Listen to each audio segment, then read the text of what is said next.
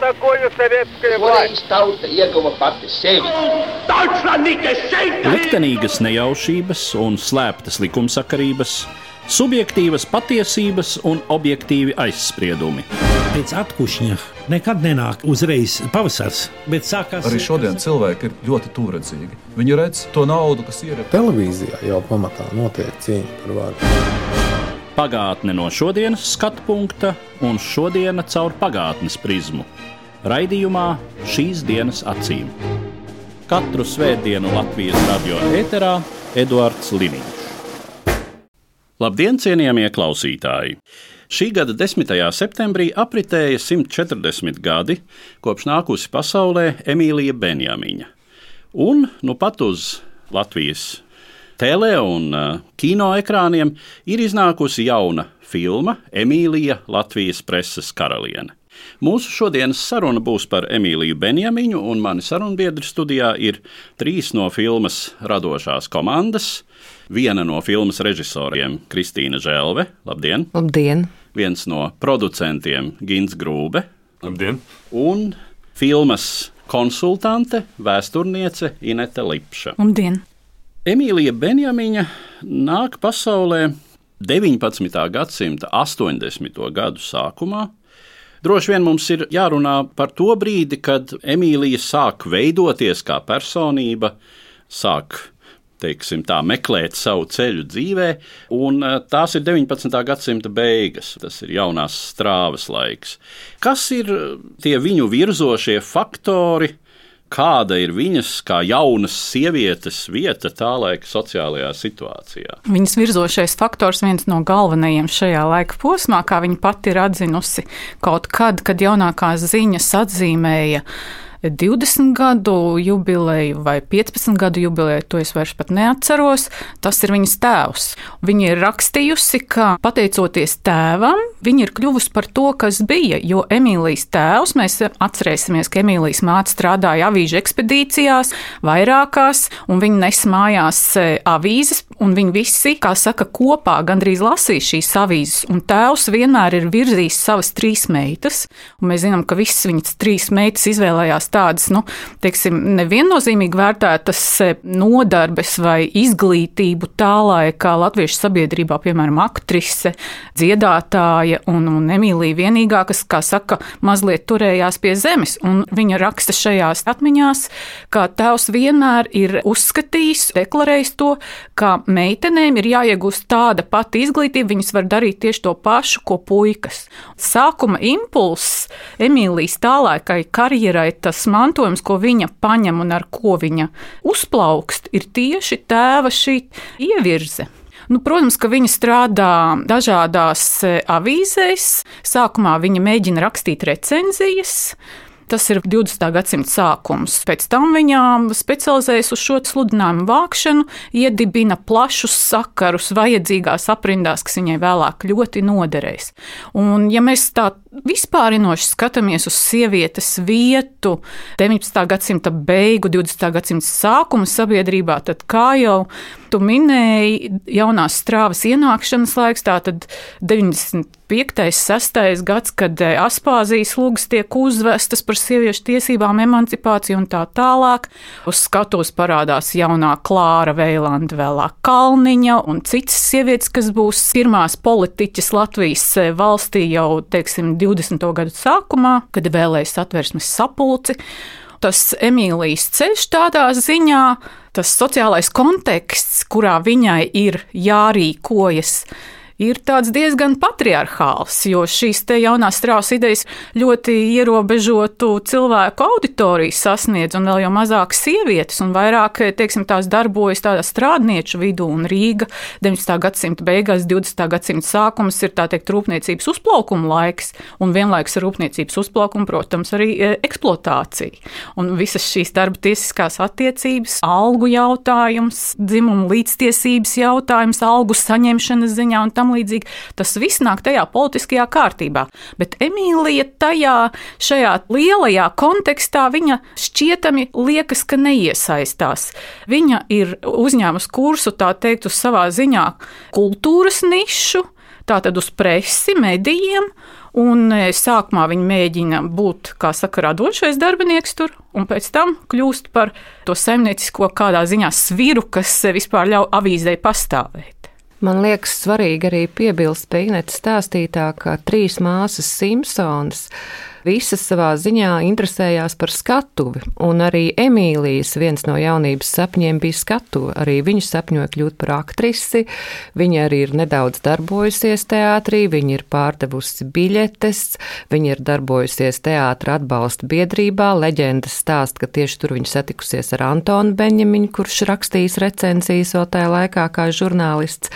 Tā kā divas māsas, Minna Tusnelda Simpsona bija dziedātāja un Annija Simpsona bija aktrise, nu Emīlija šo savu vēlmi būt starmešu gaismā, būt uz skatuves, būt abrīnotai pielūgtai, izpildīja savā atšķirīgā veidā.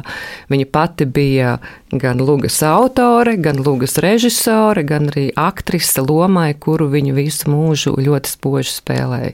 Bet nu, tā vispārējā situācija un tā vide e, ir tāda, ka faktiski mums tomēr ir jārunā par zināmu izraušanos, par zināmu izlaušanos no tradicionālā statusa, sevišķi jau laikam tajās aprindās, kurās Emīlija Benjamiņa visu mūžu darbojās, nu, un tās tomēr ir uzņēmēju aprindas, pilsoniskās aprindas, kurām varbūt arī tās sieviešu emancipācijas idejas, nu kā nu kuram droši vien, bet uh, tur tās ieviesās droši vien mazliet vēlāk nekā jūs piesauktajās strādnieku, nu labi, zemniecība tas bija laikam tas konservatīvākais Latvijas slānis, teiksim, lauki provincijā, bet uh, arī, teiksim, tādā uzņēmēju vidē sevi apliecināt uh, nebija nemaz tik vienkārši. Pilnīgi noteikti. Un, ja runā par šo sociālo slāni, tad vairāk laikam fokus jāvirza ir jau uz Latvijas laiku, 20. un 30. gadiem, jo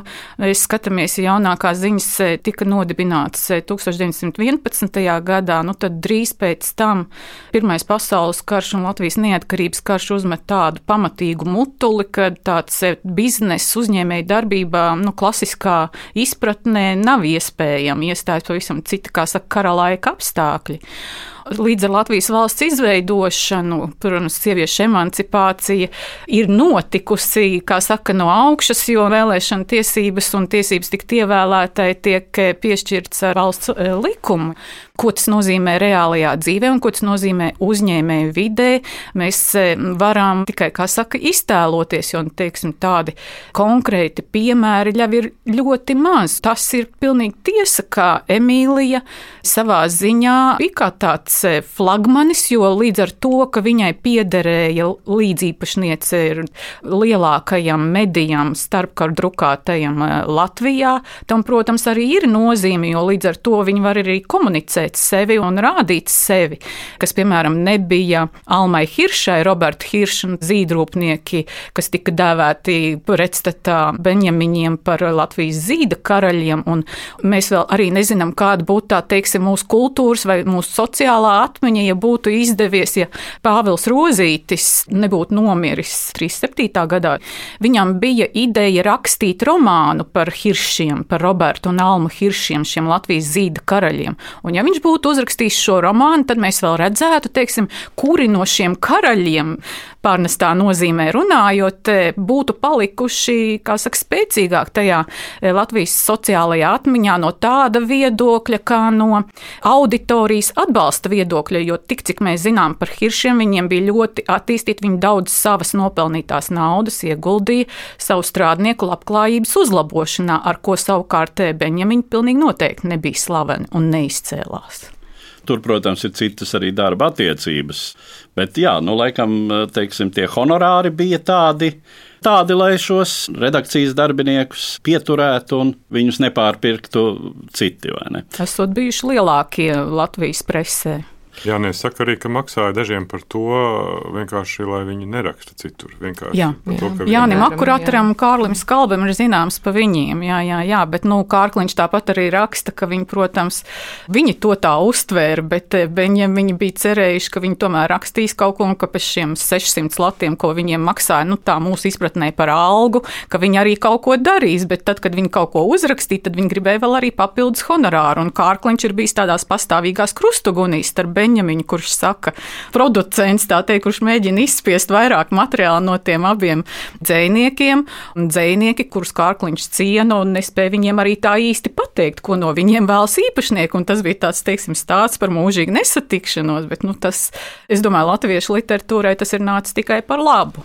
Nu, bet no tāda stereotipiskā viedokļa, ko mēs iezīmējām, kas bija, manuprāt, ļoti grūti vācot materiālus par šo periodu, tas tikai parāda, ka tie avoti un tā atmiņu literatūra, kas jau ir radusies, ir tomēr bijusi tā laikmeta stereotipi indoktrinēti. Lai arī Emīlija Beņāmiņa ir visās avīzes galvenajās, es skatā jaunākās ziņās, ir rakstīts, ka izdevēja ir Emīlija Beņāmiņa un nevis Antons Beņāmiņš. Un tur ir, protams, sava priekšvēsture, kāpēc tas tā.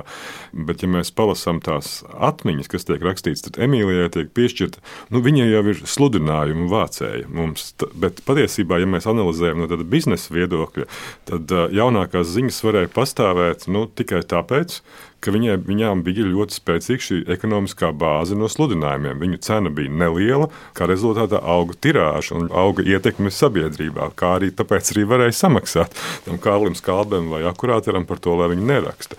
Un arī atmiņās šis aspekts tā, nu, tiek nicīgi uzsvērts patiesībā. It kā tas būtu bijis kaut kas tāds nu, nenozīmīgs, bet, ja mēs analizējam no tāda ekonomiskā aspekta, tad tas man šķiet ir maz novērtēts un maz pētīts. Un, uh, vienīgais, kas Marta Čakste, Antona meita, savā atmiņā, viņa, protams, to interpretē nu, savas ģimenes vai kā Antona mantojuma interesēs. Nu, raksta, ka Emīlija ir uzurpējuši šo izdevējas vārdu vēlāk, jo viņš bijis tikai aizdots, bet, nu, kā zināms, vārdiem ir spēks un vārdi veido arī saturu pēc tam. Un iespējams, ka Emīlija šo mazo nosaukumu izdevēja Emīlija Beņāmiņa izmantoja sev par labu. Man liekas, tas ir ļoti svarīga problēma. Tā atzinības nedošanas problēma Emīlijai, atzinības nedošanas viņas laikā. Man pārsteidza, kad es meklēju informāciju par gan Antonu, gan Emīliju, tādu, kas nebūtu bieži tiražēta. Ir arī Alberta Brandes tāda grāmata, literāras portreis vai kaut kas, kur ir arī par preses vēsturi un ir izcelti redaktori. Un ir izcelts Antons Benjamiņš un Emīlija vispār nav pieminēta. Un tas ir 20. 2006. gadā izdots izdevums, kas noteikti bija populārs savu laiku sabiedrībā, un tu domā, un kā viņi varēja justies. Ja? Kas ir tā tāda par sabiedrību? Mēs jau arī zinām, ka mediju sabiedrības žurnālisti 20. un 30. gados tā pārsvarā ir vīriešu vide viennozīmīgi. Un arī teiksim, šīs te epizodes par to, ka, nu, piemēram, Anna Muha aiziet žurnālisti 23. gada beigās no darba redakcijā jaunākajās ziņās. Arvīda Muha, jā, īstais vārds viņai Anna, tāpēc man jūka aiziet no darba redakcijā, mēs ņemam vērā 20. gadu sākums. Nu, pat ir pārlaists Pirmais pasaules karš, Latvijas neatkarības karš. Te ir, kā saka, mīdījušās armijas karavīri, kuriem pēc vārda un vispār žestiem kabatā nav jāmeklē. Nu, tā tad arī šie redakcijas vīrieši, nu, tur nav tāda ēteriska vide. Tie vārdi, kā saka, ir smagi un ausī varbūt nepatīkami. Īpaši, ja mēs ņemam vērā, teiksim, tās dažādās vides, kādās tika vai dažādie audzināšanas veidi, kādos tika audzināti vīrieši un sievietes šajā laikā, 20. gadsimta sākumā. Tas neatzīšanas jautājums jau Emīlija acīm redzot kurbulēja kaut kādā veidā nemanāmā. Viņa, piemēram, atbalstīja to pašu sieviešu kustību starpkaru Latvijā, turklāt dažādā politiskā spektrā, kas interesanti jau pēc Ulmaņa laika, kā tad, kad sieviešu kustībai, sieviešu organizācijām vajadzēja kaut kādā veidā parādīt savu noderību Ulmaņa režīmam un, teiksim, gūt arī kaut kādā varas pozīcijas kaut kādā veidā pie šī režīma un pie šīs valdības, tad 35. gadā, kad tika svinēta mātes diena, un kas bija tāds jau izstrādāts scenārijs, zinot, kuru māšu kapi ir jāapmeklē, protams, Kārļa Ulmaņa māte un tā tālāk, bet viens no šiem kapiem bija arī Ede Simpsone. Un tā tad šis vārds noteikti tika iekļauts pateicoties kādam lobbyam vai pateicoties kādām attiecībām un tam līdzīgi. Tā kā, teiksim tā, arī to savu vietu aktuālajā sociāla politiskajā telpā, mediju telpā un arī, teiksim, kultūras atmiņā pēc tam Emīlija ir centusies nostiprināt. Tā tas, tas viņai ir bijis svarīgi. Nu, ja mēs runājam par sociālo atmiņu, tad vismaz tas, kā es to atceros, Emīlijas Benjaminas vārds ar laika distanci tomēr izrādījās spožāks, interesantāks, saistošāks droši vien. Tā laika uztverē, nu arī, protams, viņas likteņa traģisms droši vien. Antons, jāsaka, bija starp tiem, kuri paguva neilgi pirms uh, Latvijas neatkarības zaudēšanas 40. gadā paguva noslēgt savus šīs zemes gaitas un dabūt sev pieklājīgu kapakmeni meža kapos. Un uh, Emīlijas Benjaminas likteni mēs, domāju, visi zinām, un arī klausītāji zina, jā, nāvi izsūtījumā. Bet tas jau ir mūsu sarunas noslēgums. Es aizskrēju notikumiem pa priekšu. Ja mēs paskatāmies tā uz Emīlijas personības tapšanas brīdi, Jūsuprāt, kā tur ir vairāk? Vai tas ir pelnrušķītes stāsts, kura atrod savu, nu, zināmā mērā, princi Antonu, kurš viņu ieved šajā preses pasaulē un kur tad viņi var sevi apliecināt, vai arī eh, tomēr nu, tas ir tas motīvs, ka no avīžu puikas par miljonāru. Nu, mana sajūta, jā, ka Emīlija ir tas, ko amerikāņu filmās sauc par self-made man, un Emīlijas gadījumā tas ir self-made woman, ka viņa pati sevi izveidoja. Kā tas bija īstenībā, protams, ir ļoti daudz lietas, ko mēs vairs neuzzināsim, kā bija īstenībā. Un arī filmu veidojot, mēs saskārāmies ar dažādiem viedokļiem un dažādiem arī vēsturnieku skatījumiem un interpretācijām. Tātad viens viedoklis, kā Antons bija šis smadzeņu trests, un viņš noteikti bija svarīgāks kā Emīlija. Tad ir atkal otrs viedoklis, kas ir skalā, ka bez Emīlijas tur nekas nebūtu sanācis, nu vismaz tāds, kas paliek eh, arī sociālajā atmiņā, ne tikai izdevniecības darbībā vai kaut kādā tur preses darbībā, jo tomēr Emīlija Tā tiešām ir taisnība, ka viņa ir arī ļoti spožs sociāls tēls. Viņa aizēno hiršus, viņa aizēno varbūt daudzus citus izdevējus vai publicistus. Es kā cilvēks, kas ir audzis padomu laikā, kuras bērnība pagāja padomu laikā, man liekas, tas nebūs tiešām pārspīlēts teikt, ka Emīlija bija viens no šīs neatkarīgās Latvijas simboliem un līdzās Čakstam, līdzās Mierovicam, kaut kādās vecvecāku vai vecāku cilvēku sarunās par kaut kādu to Latvijas laiku, vienmēr figurēja Emīlija Benjamiņa un nevis Antons Benjamiņš.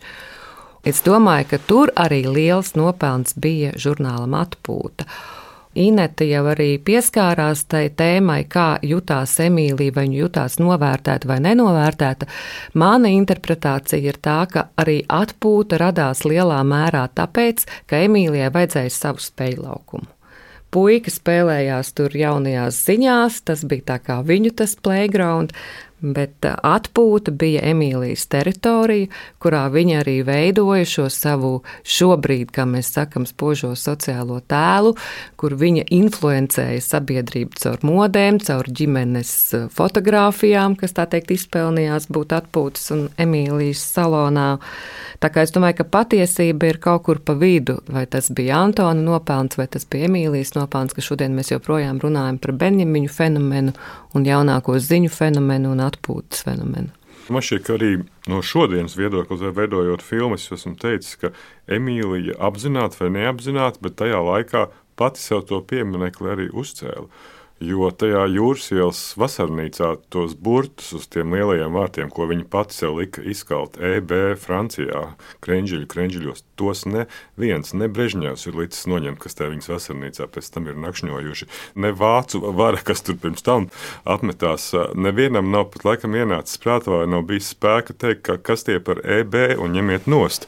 Nemaz nerunājot nu, par uh, fantastiskajām uh, Venecijas stikla lustrām, Beņāmiņa namā tās nav neviens ne nozadzis, ne aiznesis. Ir viesnīca tiek pārdota, un jau Antons tās lampas tur atved. Tās atved Emīlija, par to nav šaubu. Nav. Tā kā viņa šādas mazas lietas, kas par viņu, es domāju, liecinās vēl simts gadus, ir atstājusi. Jā, jā, nu viņas tēlam nenoliedzami ir šī āršķirīgā puse. Arī vēlmē pēc sabiedrības uzmanības, pēc posmas, pēc sēdēšanas operas pirmajā rindā. Leģenda vēsta, ka viņa ir atlaidusi, piemēram, no darba grāmatvedi vai kādu savu darbinieci, kas arī bija atļāvusies nopirkt biļeti un apsēsties ložā blakus Emīlijai, jo tur ir jāsēž karalienē, tur ir jāsēž izdevējai, un kādas kasieres vai grāmatvedis tur īsti nevar atrasties. Tieši arī, kā Ineta teica, nu viņa nebija slavena ar to, ka viņa viņi kādam ziedotu vai nodarbotos ar lielu labdarību, vai tiešām viņus ļoti interesētu sabiedrības kaut kāda izglītošana.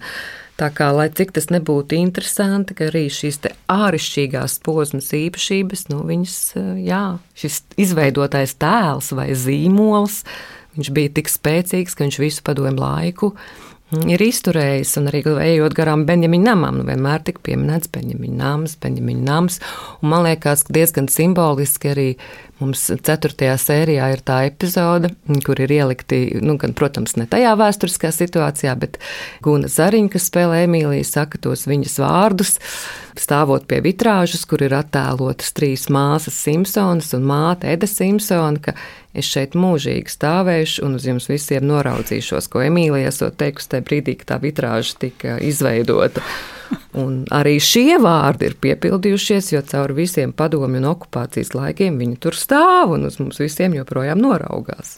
Es gribētu teikt, ka šiem spēcīgajiem motīviem, ko Gins un Kristīna iezīmē, ir vēl arī teiksim, trešais, jo sava laika konkurenti presē, piemēram, pēdējā brīdī aizkulis un tā tālāk, nemitīgi rakstot un ķengājoties par Benjamiņiem, arī vienkārši atmiņā piespiedu kārtā iegrūda tos Benjamina vārdus un vienkārši to atcerējās par to self-made woman. Tieši tā, bet es gribētu arī teikt, ārkārtīgi veiksmīgi sakrita, kad viņi abi bija tādi, ka te bija tā lieliskā partnerība, saturs. Un saimnieciskais, un viņi abi bija tā teikt, pašu izveidoti uzņēmēji, katrs savā jomā, un tas sakrita, un tas bija ģimenes uzņēmums, kas atkal daudz ko atviegloja.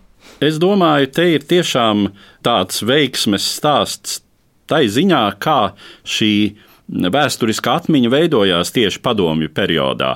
Atpūta, kas bija interesanta lasāmviela, kur tiešām daudz glabāja. Jaunākās ziņas, avīzi, reti kurš saglabāja. Atpūtu glabāja, un šīs gan iesietās, gan tāpat atsevišķi žurnāli, nu, kas bija teju katras mājas pažobelē kaut kur un eh, katrā dzīvoklī, kādā plauktā, visus padomi laikus, un to šķirstīja, un, un tas bija interesanti, un eh, vēstīja par tiem laikiem un veidoja šo pirmskara Latvijas, neatkarīgās Latvijas tēlu. Tas, protams, ir viens, nu, un jā, Benjamīņu nams. Namam droši vien paveicās, ka tur ieviesās radošās savienības, nevis kāda padomju ministrija, kas varbūt būtu arī nežēlīgāk izturējusies gan pret interjeriem, gan uh, varbūt uh, kādas mēbeles ātrāk nomainītas tiktu padomi laika sekcijām un tam līdzīgi, bet eh, nu, tas nams, eh, es arī vēl atceros to rakstnieku savienību, kāda tā tur bija. Viss tas iekārtojums arī vēl bija lielā mērā saglabāts un diezgan labi uzturēts. Iespējams arī tas, ka, jā, ka šie radošie ļaudis tur uzturējās, tas arī zināmā mērā veicināja to, ka tas palika Benjamiņu nams. Nevis tā kļuva par nu, kaut kādu stūra māju, ja teiksim, nedod Dievs. Runājot par šo preses darbu, tātad 20. un 30. gadi, tā tas arī bija, kā tas ir filmā tēlots, ka e, jaunāko ziņu un atpūtas redakcija bija viens vesels. viena vienība un ka faktiski tie paši cilvēki, kuri veidoja jaunākās ziņas, pēc tam sāka veidot un visu pastāvēšanas laiku veidoja arī žurnāla atpūta. Jā, tā bija. Tas bija viens telpas, tepat Kalēja ielā, kur uh, Cik zināms, nu, redakcijas darbinieki, kuri strādāja, tad viņi bija korespondenti Parīzē, kā Jūlijas Lācis. Tad viņš pēc Emīlijas uzaicinājuma atbrauca uz Latviju un sāka strādāt par redaktoru atpūtā. Sākuma posmā, manuprāt, tas pats Jānis Kārkliņš ir paraksta vismaz atpūtas izdevums, vēlāk arī Ārnis un Jānis Plaudis. Pēdējā posmā tie ir tie paši redakcijas darbinieki, lai arī it kā viņas pastāv nu, suverēni un paralēli. Tur jau ir tas joks, kas ir Jāņa Kārkliņa atmiņās, jo viņi ir bijuši tādi intelektuāli snobi, tie jaunāko ziņu darbinieki. Un viņiem tas darbs atpūtā ir skaitījies nu, tāds biznesa projekts. Tas ir tāds Benjamīna biznesa projekts. Kārkliņš arī raksta, ka viņi iekšēji ir jokojuši, ka atpūta apēdīs mūsu darbu. Tas bija jā, viens vienots organisms. Man liekas, tā atšķirība mazliet arī ir tāda, ka atpūtā iesaistījās vairāk pat Emīlija Benjamīna ka modes lapas ir veidojusi pati Emīlija Benjamiņa. Arī ļoti bieži viņa izvēlējusies dažādas ar skaistumu kopšanu un kosmētiku saistītas tēmas, par kurām rakstīt un tāpat arī izvēloties jā, romānus, ko tur publicēt. Gala vārds arī ir bijis Emīlijai, un viņai ir bijusi arī šī izteiktā jušana, ko lasīs tauta, kas interesēs tautu. Viņa nav uzticējusies Kārlis Kalbas vai akurāta ar labajai literārajai gaumē, bet uh, iz, izlēmusi pati, kas tad tur tiks publicēts no literatūras. Un jebkurā gadījumā nu, mēs jau šeit piesaucam uh, latviešu literatūrā ļoti pamanāmus vārdus. Filmā jau arī to visu autentiski, viens pret vienu eh, identiski nevar atspoguļot. Un droši vien, ka ja būtu divreiz vai trīsreiz lielāks budžets un attiecīgi tur krietni vairāk sēriju, tad tur būtu kaut kur jāgrozās arī akurāteram un Čakam un Anšlevam Eglītim. Un Ernestam Arnim. Jā, protams, tas, kas man varbūt šķita mazliet tā pieņemami, protams, no kino viedokļa, bet eh, apšaubāmi, ko tas skalbe visu laiku sēž tajā redakcijā. Viņam taču vismaz periodiem bija jāapmeklē eh, saimas nams, kad viņš bija deputāts. Nu, viņš nebija visu laiku, viņš bija pirmās saimas un ceturtās saimas deputāts, bet nu, tur ir tādi posmi, kad viņam tā kā vajadzētu vairāk ar politiku nodarboties, nevis sēdēt redakcijā. Bet nu, filmā viņš, viņš tur ir, un no otras puses, protams, ir labi un veiksmīgi, es domāju, arī veidots konkrētais tēls. Pēc skābja, ja mēs izlasām Jāņa Kārkliņa atmiņas, viņš tiešām tur esot pārtiešām nozīmē sēdējis, ka viņam paticis katru dienu nākt uz redakciju, uztaisīt tēju, uzpīpēt savu pīpīti, pārunāt ar kolēģiem kaut kādus jaunākos notikumus un Kārlis Skābe bija viens no tiem, kas netika apgrūtināts ar kaut kādiem ikdienas darbiem, kā reportāžām vai manuskriptu lasīšanu vai rediģēšanu. Viņam tiešām bija īpašs status, un, tā epizode, jā, ka vadība runājas un saka, ka Kārlis Skābe ir kā tāds augļu koks rudenī, un otrs saka, ko vajag kārtīgi papurināt. nu, tā ir dokumentāli no Jāņa Kārkliņa atmiņām. Nu, visus šos tēlus, protams, varēja izvērst krietni vairāk. Un es arī saku, ka nu, mums katra tā sērija ir kaut kāds notikums vai aspekts Emīlijas dzīvē, ap kuru tā mazā filmiņa tur riņķo, bet principā katru to sēriju, kas arī ir izsnāts citā laika posmā, tā varēja būt vesela sezona pie citiem apstākļiem, kur tiek paralēli vēl vairāk attīstīti gan Vīlis Lācis, kas ir vesels stāsts, gan, protams, Kārlis Skalbi, Jūlijas Lācis, pārējie redakcijas darbinieki. Šobrīd tas tiešām ir ļoti kompresētā veidā, un Kārlis Skalbis arī ar aktieriem runājot, mēs par to runājām, ka viņi ir tādi Emīlijas galms. Šeit viņi spēlē, jo karalis pats sevi nospēlēt nevar, tad attiecīgi karali nospēlē viņa gāmas, un viņu tās personīgās biogrāfijas, nu viņas paliek kaut kur aiz kadra, viņi to zina savās galvās, ekrānā tas eh, tiešā veidā neparādās. Līdz ar to izskan pirmā puse no sarunas, kas bija veltīta Emīlijai Benjamiņai, laikraksta jaunākās ziņas un žurnāla atpūta izdevējai, leģendārai personībai pagājušā gadsimta 20. un 30. gadu neatkarīgās Latvijas preses pasaulē.